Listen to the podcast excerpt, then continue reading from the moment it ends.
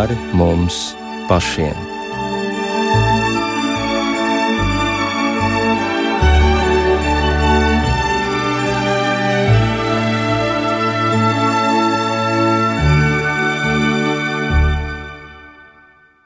Esiet sveicināti raidījumā pāri mums pašiem. Daži no viesiem jau iemēģināja mikrofonu, un cik jauki, ka nekad standartā nesākas raidījums. Prieks par visiem, kas šovakar ir kopā ar mums. Studijā Inte Zēgnere par skanējumu rūpējas Mārtiņš Paeglis, bet mūsu raidījuma viesi ir Liepājas simfoniskā orķestra direktors Uldis Lipskis, un viņa balsi jūs jau tikko dzirdējāt pārbaudot mikrofonu. Labvakar, Labvakar, Uldi, un paldies, ka mēroji šo ceļu no Liepājas šajā sasnigušajā vakarā. Un eh, kopā ar mums eh, šovakar ir arī izdevniecības kala raksti vadītāja Aija Balode. Labvakar! Labvakar! Ar vairākiem pasākumiem gan kurzemes pusē, Kazdangā, aizputē, Priekulē un Liepājā, bet pirms dažām dienām arī Rīgā atvēršanas svētkus piedzīvoja jauna grāmata ar ļoti neparastu nosaukumu Jērs un Lauva Rimbenieks – mācītājs, mērs, ministrs un moceklis. Redzot Evalda Rimbenieka portretu uz grāmatas vāka un iepazīstoties ar tās saturu, gribu sacīt, ka tā ir patiesa un īsta valsts vīra portrets. Tāpat arī nākas secināt, cik daudz nezināmu, klusu un īsta goda vīru ir mūsu vēsturē.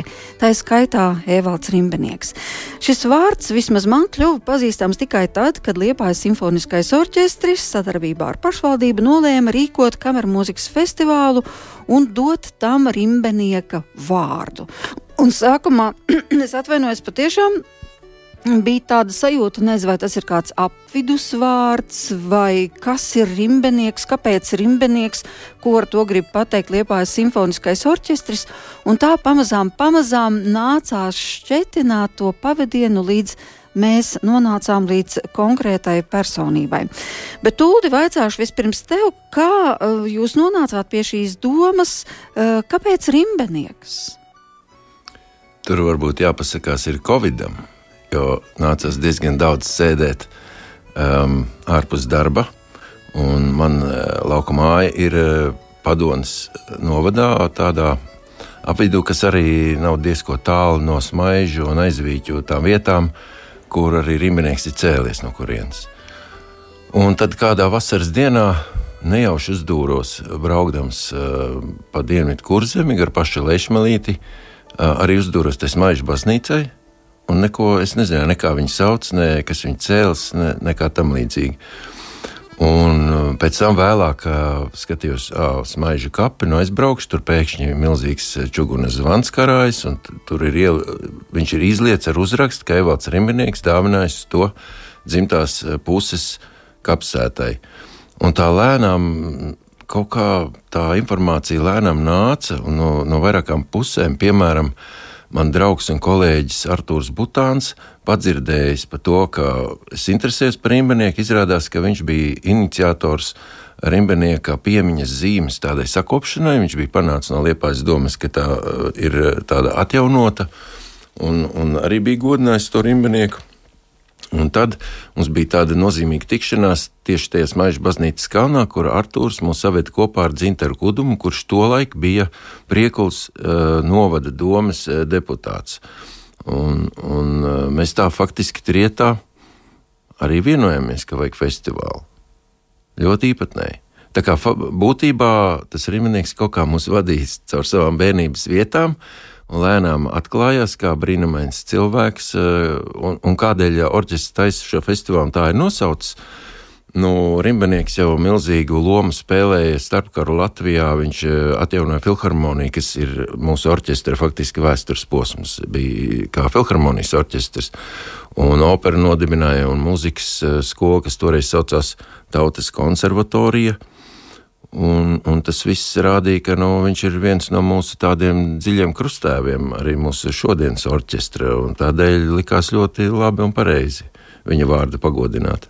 Nu, tur jau klāt vēl arī opera.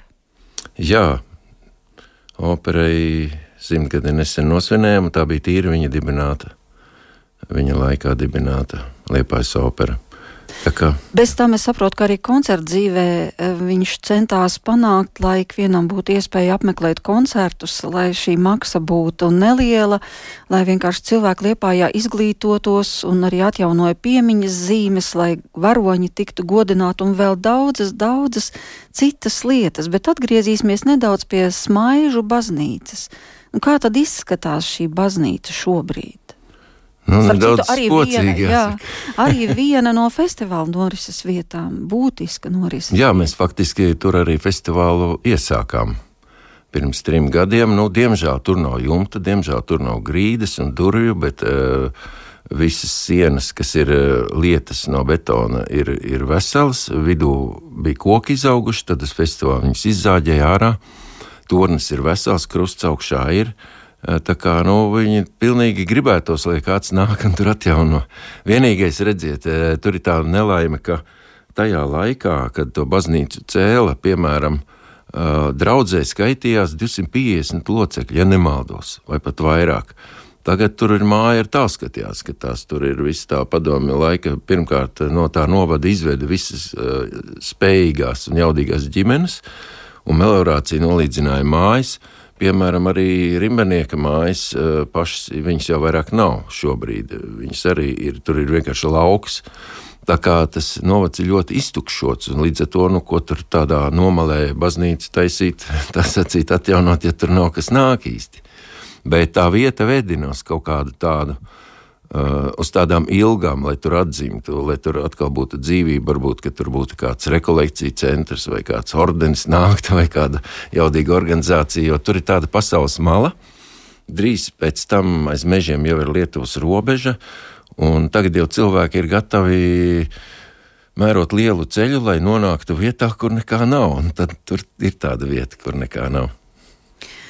Bet, ja runājam par šo smaižu baznīcu, tad patiešām tās darbība ir saistīta arī ar brāļu draugiem, ar šo ideju, cik svarīgi ir kopā sanākt Dievu, lūgt, savstarpēji dalīties, kopā dziedāt. Un, uh, tas būtu bijis viens varans garīgs centrs, ja ne padomi vara toreiz, un ja ne šī iznīcinātā garīguma uh, notikums, bet eh, līdz 1952. gadam tā kā oficiāli pastāvēja šī baznīca, bet tagad paskatoties kaut vai fotografijās, neparastas skats, jo viņa ar to savu gotisko tieksmi uz augšu, eh, monolīta, tajā pašā laikā, protams, cauri spīd tas laika zops. Un svarīgi, ka arī šajā vietā tieši notika arī Evalda Rimbenieka jaunās grāmatas uh, lasījumi, pirms pati grāmata vēl nebija iznākusi. Jā, tā brāļa draudzes ietekme, to jau mēs zinām no vidzemes vairāk, Valmiera mūžā, un kur viņi faktiski ienes tādu ticības atjaunotni, milzīgu pacēlumu. Un mēs arī šajā grāmatā varam lasīt, cik ļoti viss tas novads bija uh, aizdedzies ar ticību. Un tas notika nevis tādā institucionālā līmenī, bet viņi nāca kopā pa zemnieku mājām. Uh, un, un slavēja Dievu, bērns audzināja dievbijīgi un, un, un teiksim, centās iemiesot kristīgos tikumus ar savu dzīves paraugu. Un ļoti interesanti, teiksim, Dienvidu kurzemes brāļu draugu kustība. Viņa neienāca no vidzemes, bet nu, bija cits kāds no Prūsijas, man liekas, kāds kungs, kas atnāca un sāka sludināt. Uh, Un, un nesen pavisam es uzzināju, piemēram, Miķels Fišers, eh, kolosālais baritons pēckara, jā, viņš taču ir no tieši tiem apvidiem, un viņš ir mācījies, viņš ir braucis tur pār pa 30 km uz Liepājas tautas konservatoriju ar violu plecā, mācījies violi tur. Pēc tam viņš ir uh, vadījis korus gan tur, gan arī padonē, jo padonē arī bija brāļu draugi. Un, piemēram, uh, padonē es zinu, ka bija galvenieks, kurš bija pats uztaisījis čēlu un spēlējis, un tur bija vienkārši padomē, bija dieva slavēšanas orķestris. Un tā leģenda tie nostāsti vēsta, ka kāza muzikanti pameta rūpalu, lai spēlētu tikai dievu godam. Tā kā tiešām tas karš eh, bišķīt eh, nelaikā nāca un, un nobremzēja kolosāls lietas. Bet vismaz Rīmenieks paspēja uzcelt un paspēja iesvētīt to baznīcu, un tur notika gan dievkalpojumi, gan mīlestība. Arī grāmatā skaista bilde, ka vienkārši viss novacs. Baznīca ir klāti galdi, un visi, kā saka, agapē dalās un, un priecājās kopā. Um, tā kā tāda brīnišķīga, brīnišķīga parādība. Un vēlāk, tad, kad jau ar Viļa Lāča svētību viņus iztramdītos brāļu draugus cilvēkus, tad viņi pārgāja vai nu baptistos, vai pat Rīgā bija gadījums, ka uh, vesela draudz iestājās pareizticīgajos, jo viņiem neļāva pulcēties, un tad viņi uh, tur pie vagonu parka, viņi Pokrovas vai, ja nemaldos, tajos tur kapos, kapīri, viņiem jā. tas pops bija atļāvis tur tikties slepus, Bet, laikam, tā kā jau pēcdienestī viņa piežmiedza, tad viņš teica, vai nu stājieties pie maniem, vai nu nenāciet vairs. Un tad ir arī tāds gadījums, ka pārgājis pareizticīgiem. Un, un tad bija liecības arī no luterāņiem un, un no baptistiem, ka tie brāļu draugu cilvēki ienāca kā tādi sarkani asins ķermenīši tajās tradicionālajās draudzēs, ka viņi ienesa tādu svaigu elpu un tādu dzīvu ticību. Uh, un, un es domāju, ka tāda zināma personifikācija ir viss rimanieka dzīves ceļš, jo viņš jau ir ticībā dzīvojis to dzīvi un ticībā kalpojis tam novadam un tautai un Latvijai. Tas jau viss ir nesaraujami saistīts ar viņa uh, dieva mīlēšanu. Jā, un šeit mums patiešām tāds īpašs notikums šajā vakarā ir svināms, un tā ir šīs grāmatas iznākšana. Liela, pamatīga, ar izpēti, nopietnu izpēti veidota grāmata, ko ir rakstījusi Džēna Kuplis ar nosaukumu Jērs un Lauva, Rimbenieks, mācītājs, mērs, ministrs, moceklis. Tad kā jūs nonācāt līdz šī grāmatai, līdz šai idejai? Un e, kā jūs varat izskaidrot faktu, ka tā tika uzrakstīta pavisam tālu no Latvijas, respektīvi Austrālijā, Tasmānijas salā, bet mēs to redzam e, skaidrā latviešu valodā izdotu izdevumu. Jā, tiešām tas grāmatas stāsts ir interesants ar to, ka Džēna Kuplis patiešām ir kundze no Austrālijas, bet Džēnu Kuplis eh, ar Evaldu Rimbenieku saista radniecība. Proti, viņa ir eh, dzīves biedre Evalda Rimbenieka. Um, Mazdēlam, mm -hmm. Evaldam Kuplim. Lūk, jā, un um,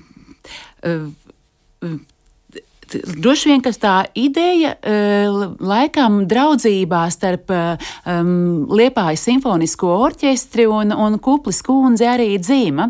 Un tad jau orķestra pārstāv uzrunāja mūsu izdevniecību, kā raksti ar, ar šo domu, vai mēs būtu ar mieru iesaistīties un izdot uh, šo grāmatu.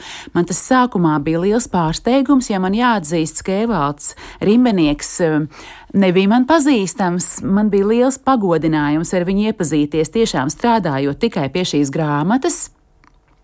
Bet eh, nu, es to tagad varu atskatīties ar lielu pateicību, jo nu, tiešām tas bija pagodinājums pie šīs grāmatas strādāt. Bet ko tu uzzināji par Evaldu Rimbenieku? Mums ir šīs četras sadaļas, kuras jau minēju - mācītājs, mērs, ministrs, moceklis. Ko tu uzzināji? Jā, par tiem M burtiem mēs tur tā sākumā pasmaidījām. Tur bija sākumā mazliet cits tas apakšvirsaks, bet kaut kā tie M burti, tur bija mūziķis e, un kaut kā, bet beigās izkristalizējās šie četri secīgi, jā, mācītājs, mērs, ministrs, moceklis.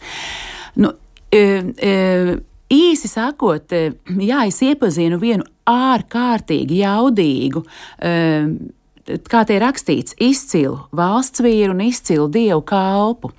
Um, un strādājot pie šīs grāmatas, man brīžām patiešām nepamet sajūtu, uh, Kā tas iespējams, ka tas ir par vienu cilvēku, jo viņš ir bijis tik e, milzīgām darba spējām e, apdāvināts cilvēks un arī lieliem talantiem. Un kaut vai tiešām šīs divas e, puses, e, mērs vai attiecīgi ministrs deputāts, e, kā kurā laikā, un e, dieva kalps, e, tur tā kā gandrīz izskatītos, ka tie ir divi stāsti vai divi cilvēki bet eh, Evalds Rimbenieks tos abus tik organiski eh, savieno sevī. ka tas viens otru netraucē. Lūk, un, Jo mums ir nesenā pagātnē bijuši gadījumi, kad mācītāji nāk politikā un reizēm ir bijusi sajūta, ka viņiem varbūt to nevajadzēja darīt. Tad lūk par Evaldu Rimbenieku, nu tad šķiet, ka viņš ir īstajā vietā gan kā mācītājs un īstajā vietā kā politiķis. Respektīvi, viņa ticība sakārto arī viņa politisko dzīvi. Tie, jo viņš absolūti. rīkojas pēc taisnības un goda prāta un neredz citu iespēju. Absolūti, un tāpat laikā viņš eh, varbūt tiešām eh, arī grāmatā par to, ka viņš neuzspiež savu ticību. Viņš eh, tā kā, nu, apmēram nesludina evaņģēliju tā kā ar liekiem vārdiem, bet viņš sludina evaņģēliju ar to, kā viņš krietni dara savu darbu. Jā, nu tad atgriezīsimies pie festivāla Rimbenieks. Mums ir jāieskandina kaut neliela epizode no koncerta, kas notika pagājušajā gadā, ja pareizi atceros, Artūrs Liepiņš, Madara Liepiņa toreiz muzicēja, bet šobrīd Artūra Liepiņa sniegumā kāda neliela epizode no Johana Sebastiāna Baha no Franču svītas.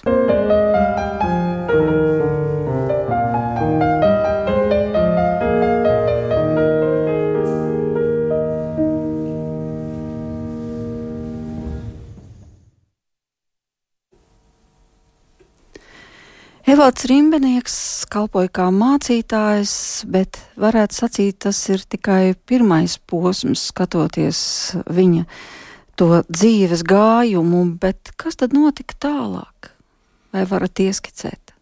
Nu, viņš jau nepārtrauca kalpot uh, draudzē pa mācītāju arī tad, kad viņš kļuva par liepājs. Nu, tur bija tā, ka ja nedaudz atpakaļ atskatāmies, tad viņam tīņa gados uh, nomira māmiņa, un, un tētis no vienas puses, lai kaut kā sabalansētu, jo viņi bija laikam pieci, ja nemaldos, bērni ģimenē, vai seši pat.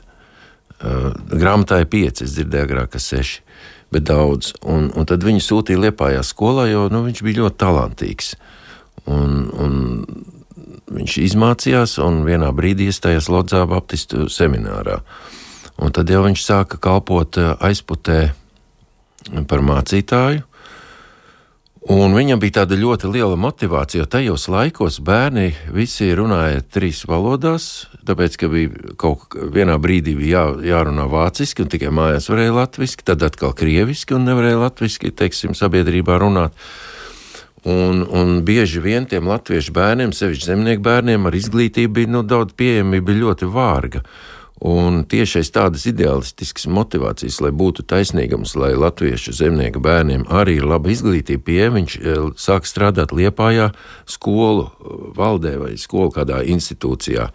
Un pēc tam jau tika pamanīts un ievēlēts par deputātu, un gadu vēlāk kļuva par mēru.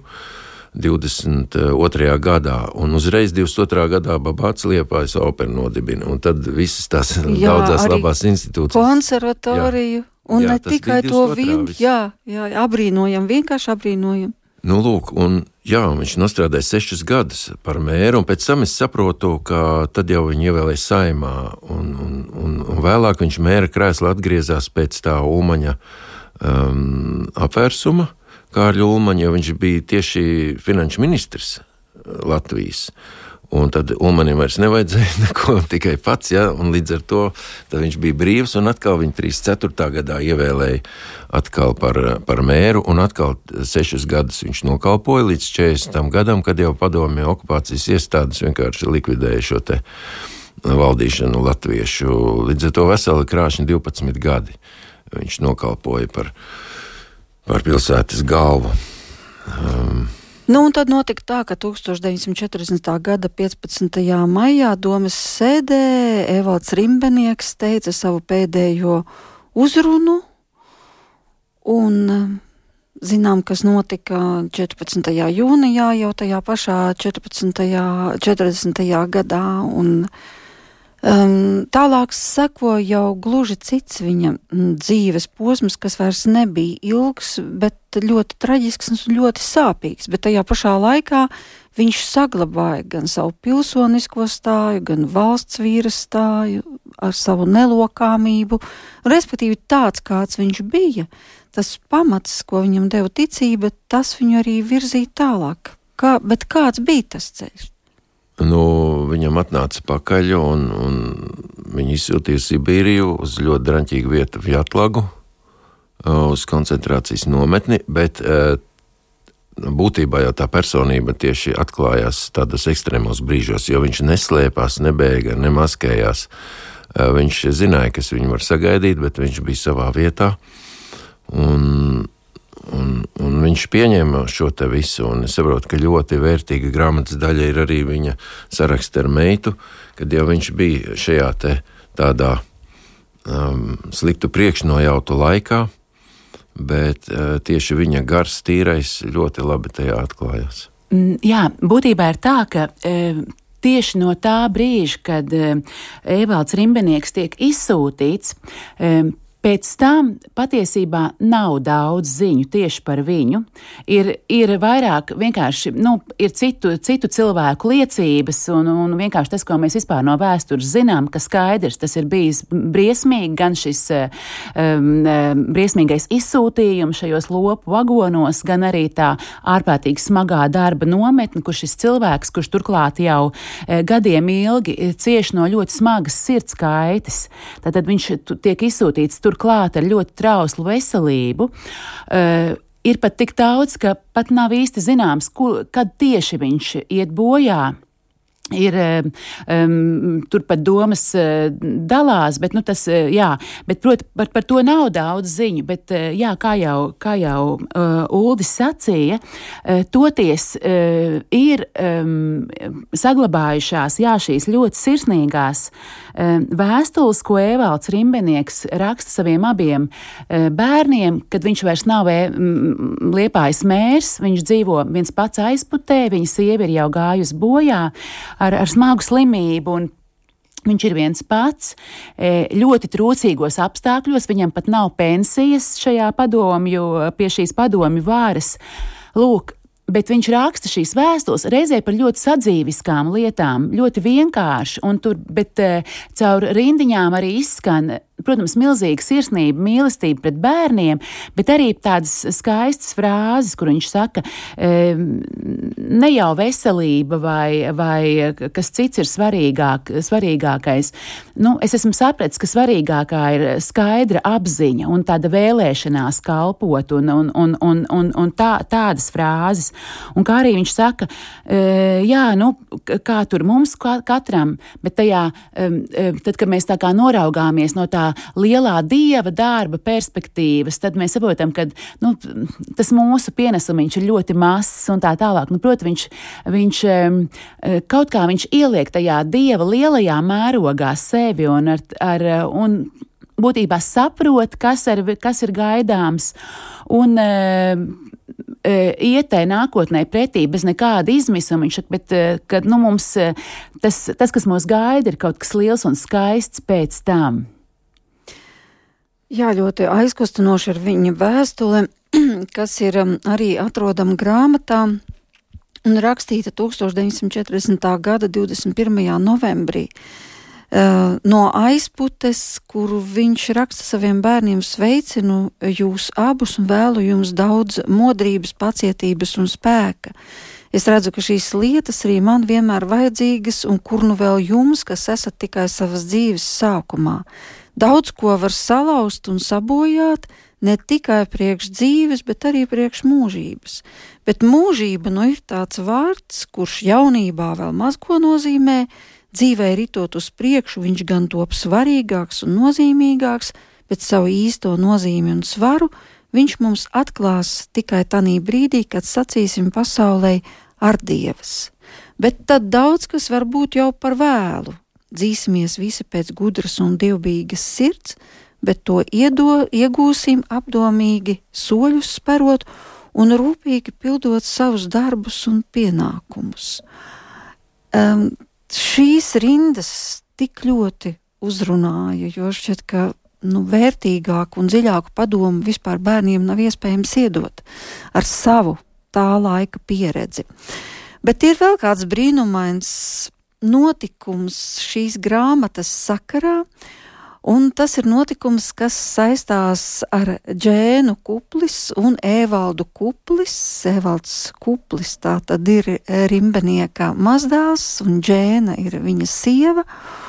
Un šis neparastais atradums, ko tālajā Austrālijā, Tasmānijas salā, kārtojot māju, atrod viņi, Un, respektīvi, tās ir šīs Evalda Rimbenieka vēstules, ko viņa meita ir cauri visiem ceļiem, emigrācijas ceļiem, um, iznesusi cauri un mājās saglabājusi, noglabājusi, un pat nevienam tās nav rādītas līdz brīdim, kad jau viņi abi, tātad uh, vecāki, um, e Evalda Kuplis vecāki ir devušies mūžībā, un tad tika atklāts šis neparastais atradums un atklājās vēsture. Un liels prieks arī par to, ka Abi viņi, e, gan Džēna, gan Evalds, viņi bija klāt šīs grāmatas atvēršanas svētkos, bija ieradušies no tālās Tasmānijas, ceļoja pa kurzemi, domāju, piedzīvoja daudz lieliskus brīžus, emocionālus, un arī man bija tā laime ar viņiem satikties burtiski dienu pirms. E, Džeina un Evalds tālāk devās atpakaļ uz Austrāliju. Nu, un šobrīd e, tad paklausīsimies, kā mums risinājās šī saruna. It's really a historical event that we now have received this book written by you. Tas tiešām ir vēsturisks notikums, ka tagad mums ir šī grāmata, ko esat uzrakstījusi. Un tā mums liek atklāt jaunu lapusi mūsu pašu vēsturē. Well, it had its beginning in, I suppose, 1940, June 14th, 1940 when Evals Rimbenieks was arrested and taken to Siberia. Šis stāsts sākās tad, kad uh, Evalds Rimbenieks uh, tika uh, deportēts un aizvests uz Sibīriju. And so the family was split apart, and they didn't have time un tad viņa bērni izceļoja, ģimene sadalījās, dēls devās uz Ameriku, bet meita Augustē uz Austrāliju kopā ar savu vīru where she was living at the time with young Evals. Un tad uh, viņa no šīm aizputes mājām paņēma līdzi, ko vien varēja paņemt, un mēs atradām šo čemodānu, kur bija fotogrāfijas, vēstules, dokumenti. Un tad, kad mēs atklājām šo koferīti, tas bija jauns iesākums, lai mēs varētu veikt izpētes darbu. Hiding. That was the start of the book. Kā vispār var justies cilvēks, kurš atrod pēkšņi sava vectēva vēstules daļu no sava vectēva dzīves? Jā, nu tas gan bija brīnišķīgi. Protams, Dženita, kas visu to izmeklēja un iztulkoja. Un liels prieks, kā vismaz mēs kaut ko vairāk varēsim zināt par Rievalds Rimbinieks un visu, ko viņš ir darījis. Un varbūt svarīgāk ar kāds cilvēks viņš bija. Eh, jo mēs varam vienmēr izlasīt, kas, ko viņš ir um, iespējams iesākt. Bet jā, kāds cilvēks viņa kāds jūtas viņam bija. Tā kā tas bija liels prieks atrast to informāciju un tās vēstules, ko viņš bija rakstījis uz saviem bērniem. Un, un Džēna varbūt ar to varēs pateikt kaut ko.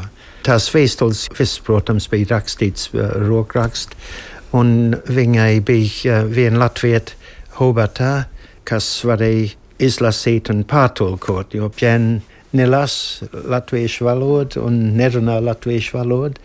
Tā kā viņi dabūja uh, palīdzību tās vēstules pārtulkot, un tas ir kā Džēna varēja vairāk tās lietas ierakstīt tajā grāmatā.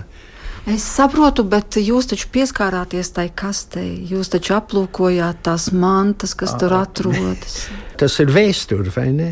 Jūs tās lietas, redzēt tās bildes un redzēt vienu cilvēku, kas ir uh, mans vectēts.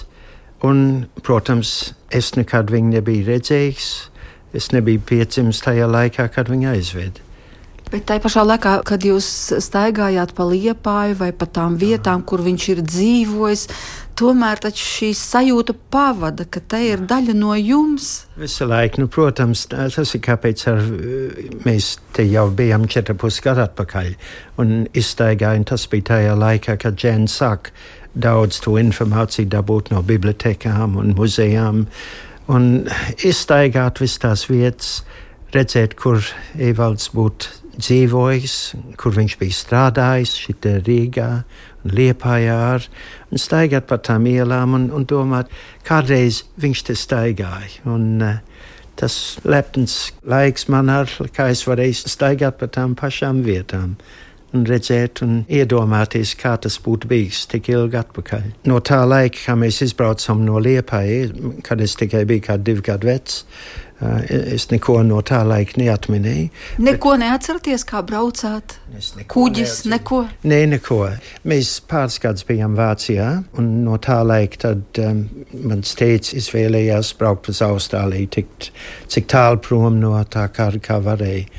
Tā kā, jā, tas uh, liels prieks un lepnums par ko Evalds ir darījis šeit un saimā un ar uh, kā pilsētas galvu liepājā. I admire you really because dedication mm. to Evalds Rimbenieks, to find the translator. Es tiešām abrīnoju jūsu uzņēmību, nezinot latviešu valodu, uh, nodoties ar tādu veltīšanos šim darbam. Long, long time, doing all the research.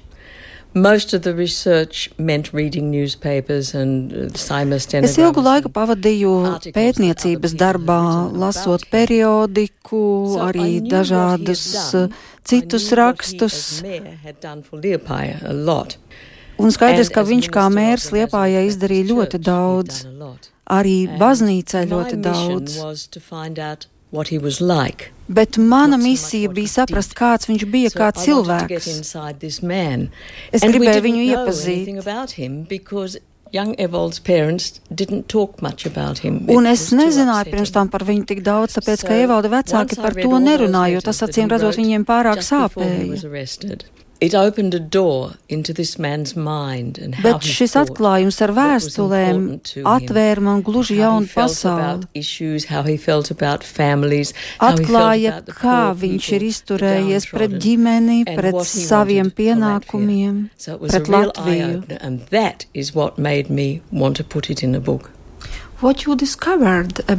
Tad, ko jūs like atradāt, man. ko jūs atklājat par viņu kā par cilvēku? Calm, calm like a lamb, hence the, the title of the book. Viņš bija klus un mierīgs, kā jērs. Up, treated everybody the same.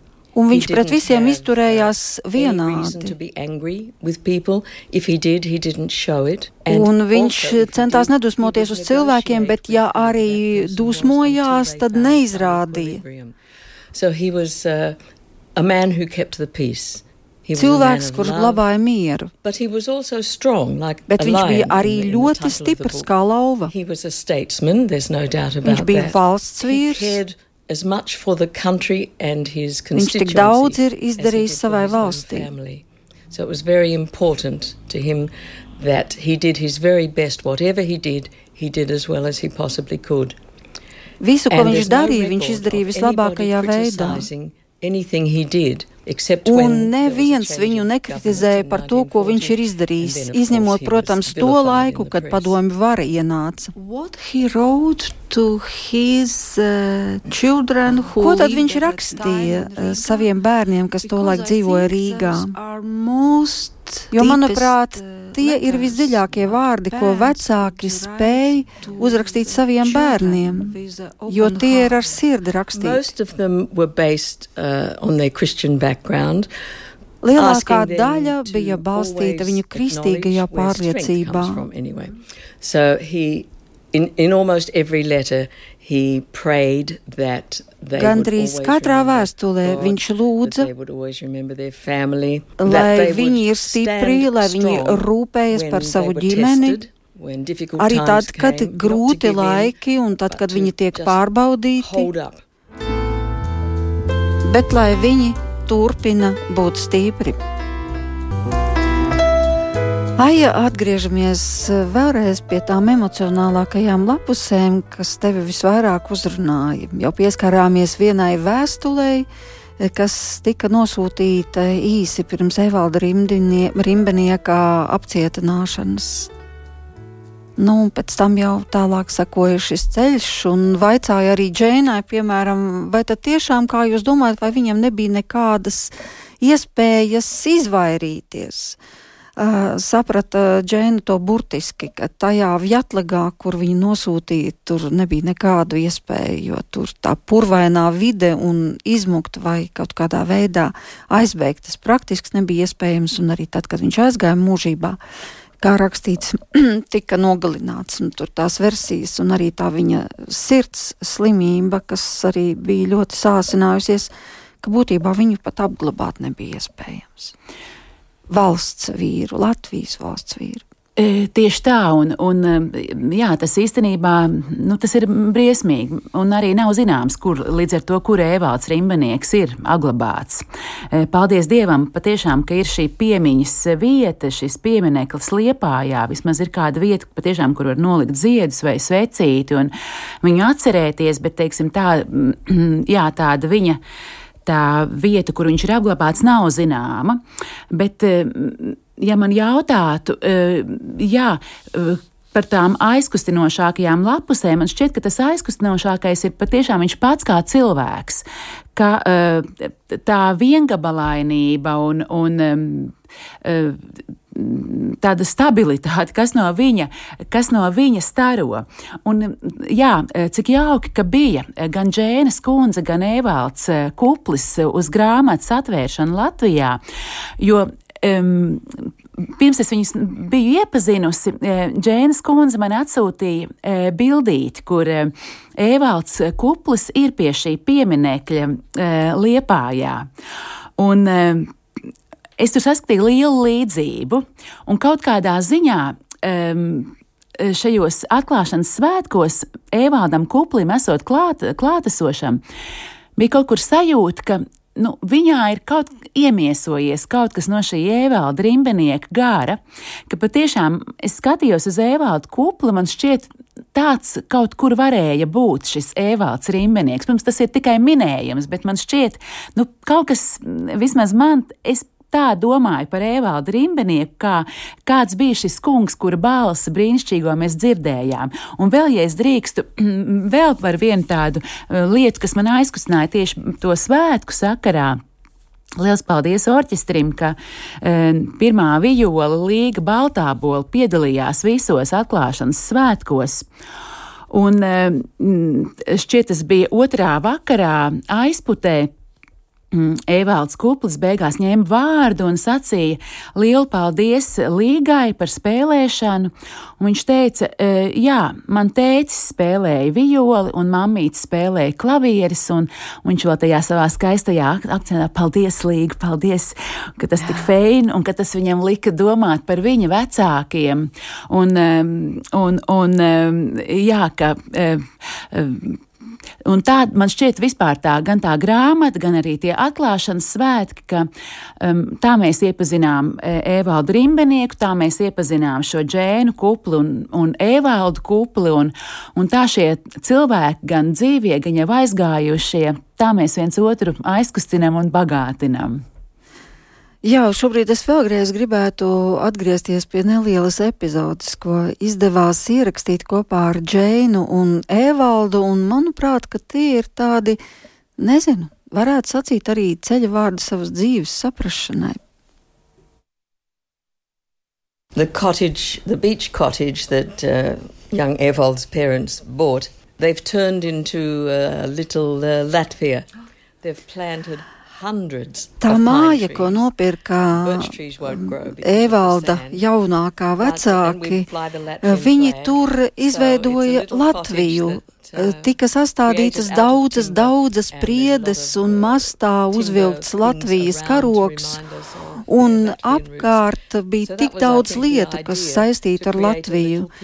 Viņi radīja savu Latviju tur tālajā Tasmānijā.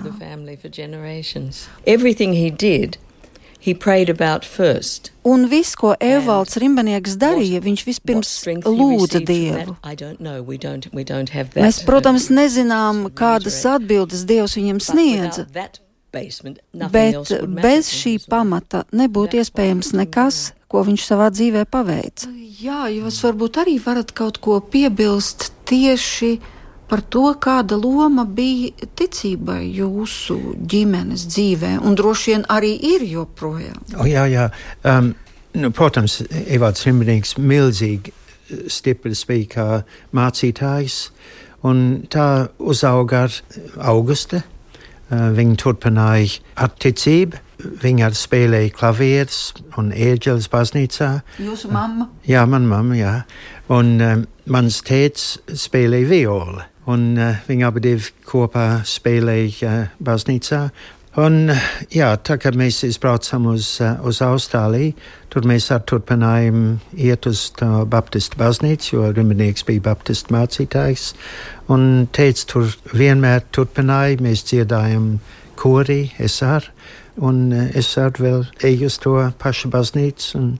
Tas ir tā kā mums tā, viņa tā ticība, ko, kas Evaldam bija, tas turpinājās. Un, uh, protams, tas ir spēks, kas mums visiem ir devis tās lietas darīt. Tas nozīmē, ka jūsu ģimenē e, šī ticība joprojām tiek saglabāta un tālāk nodota. Jā, jā, jā. Man liekas, tas stiprums tur ir, un tas, uh, tas turpinās gan. Man ir stipra ticība, man ir vienmēr prieks satikties ar cilvēkiem, kas jūt ar, ka tur ir kaut kas, kas ir daudz stiprāk nekā sliktums. Ja katrs cilvēks varētu to grāmatu izlasīt un kaut ko iemācīties no to dzīvi, kā Evalds Rimbinieks bija dzīvojis, ja katrs tikai kādu mazu gabalu no tā dabūtu, viss kopā tā pasaule būtu daudz labāka vieta dzīvot.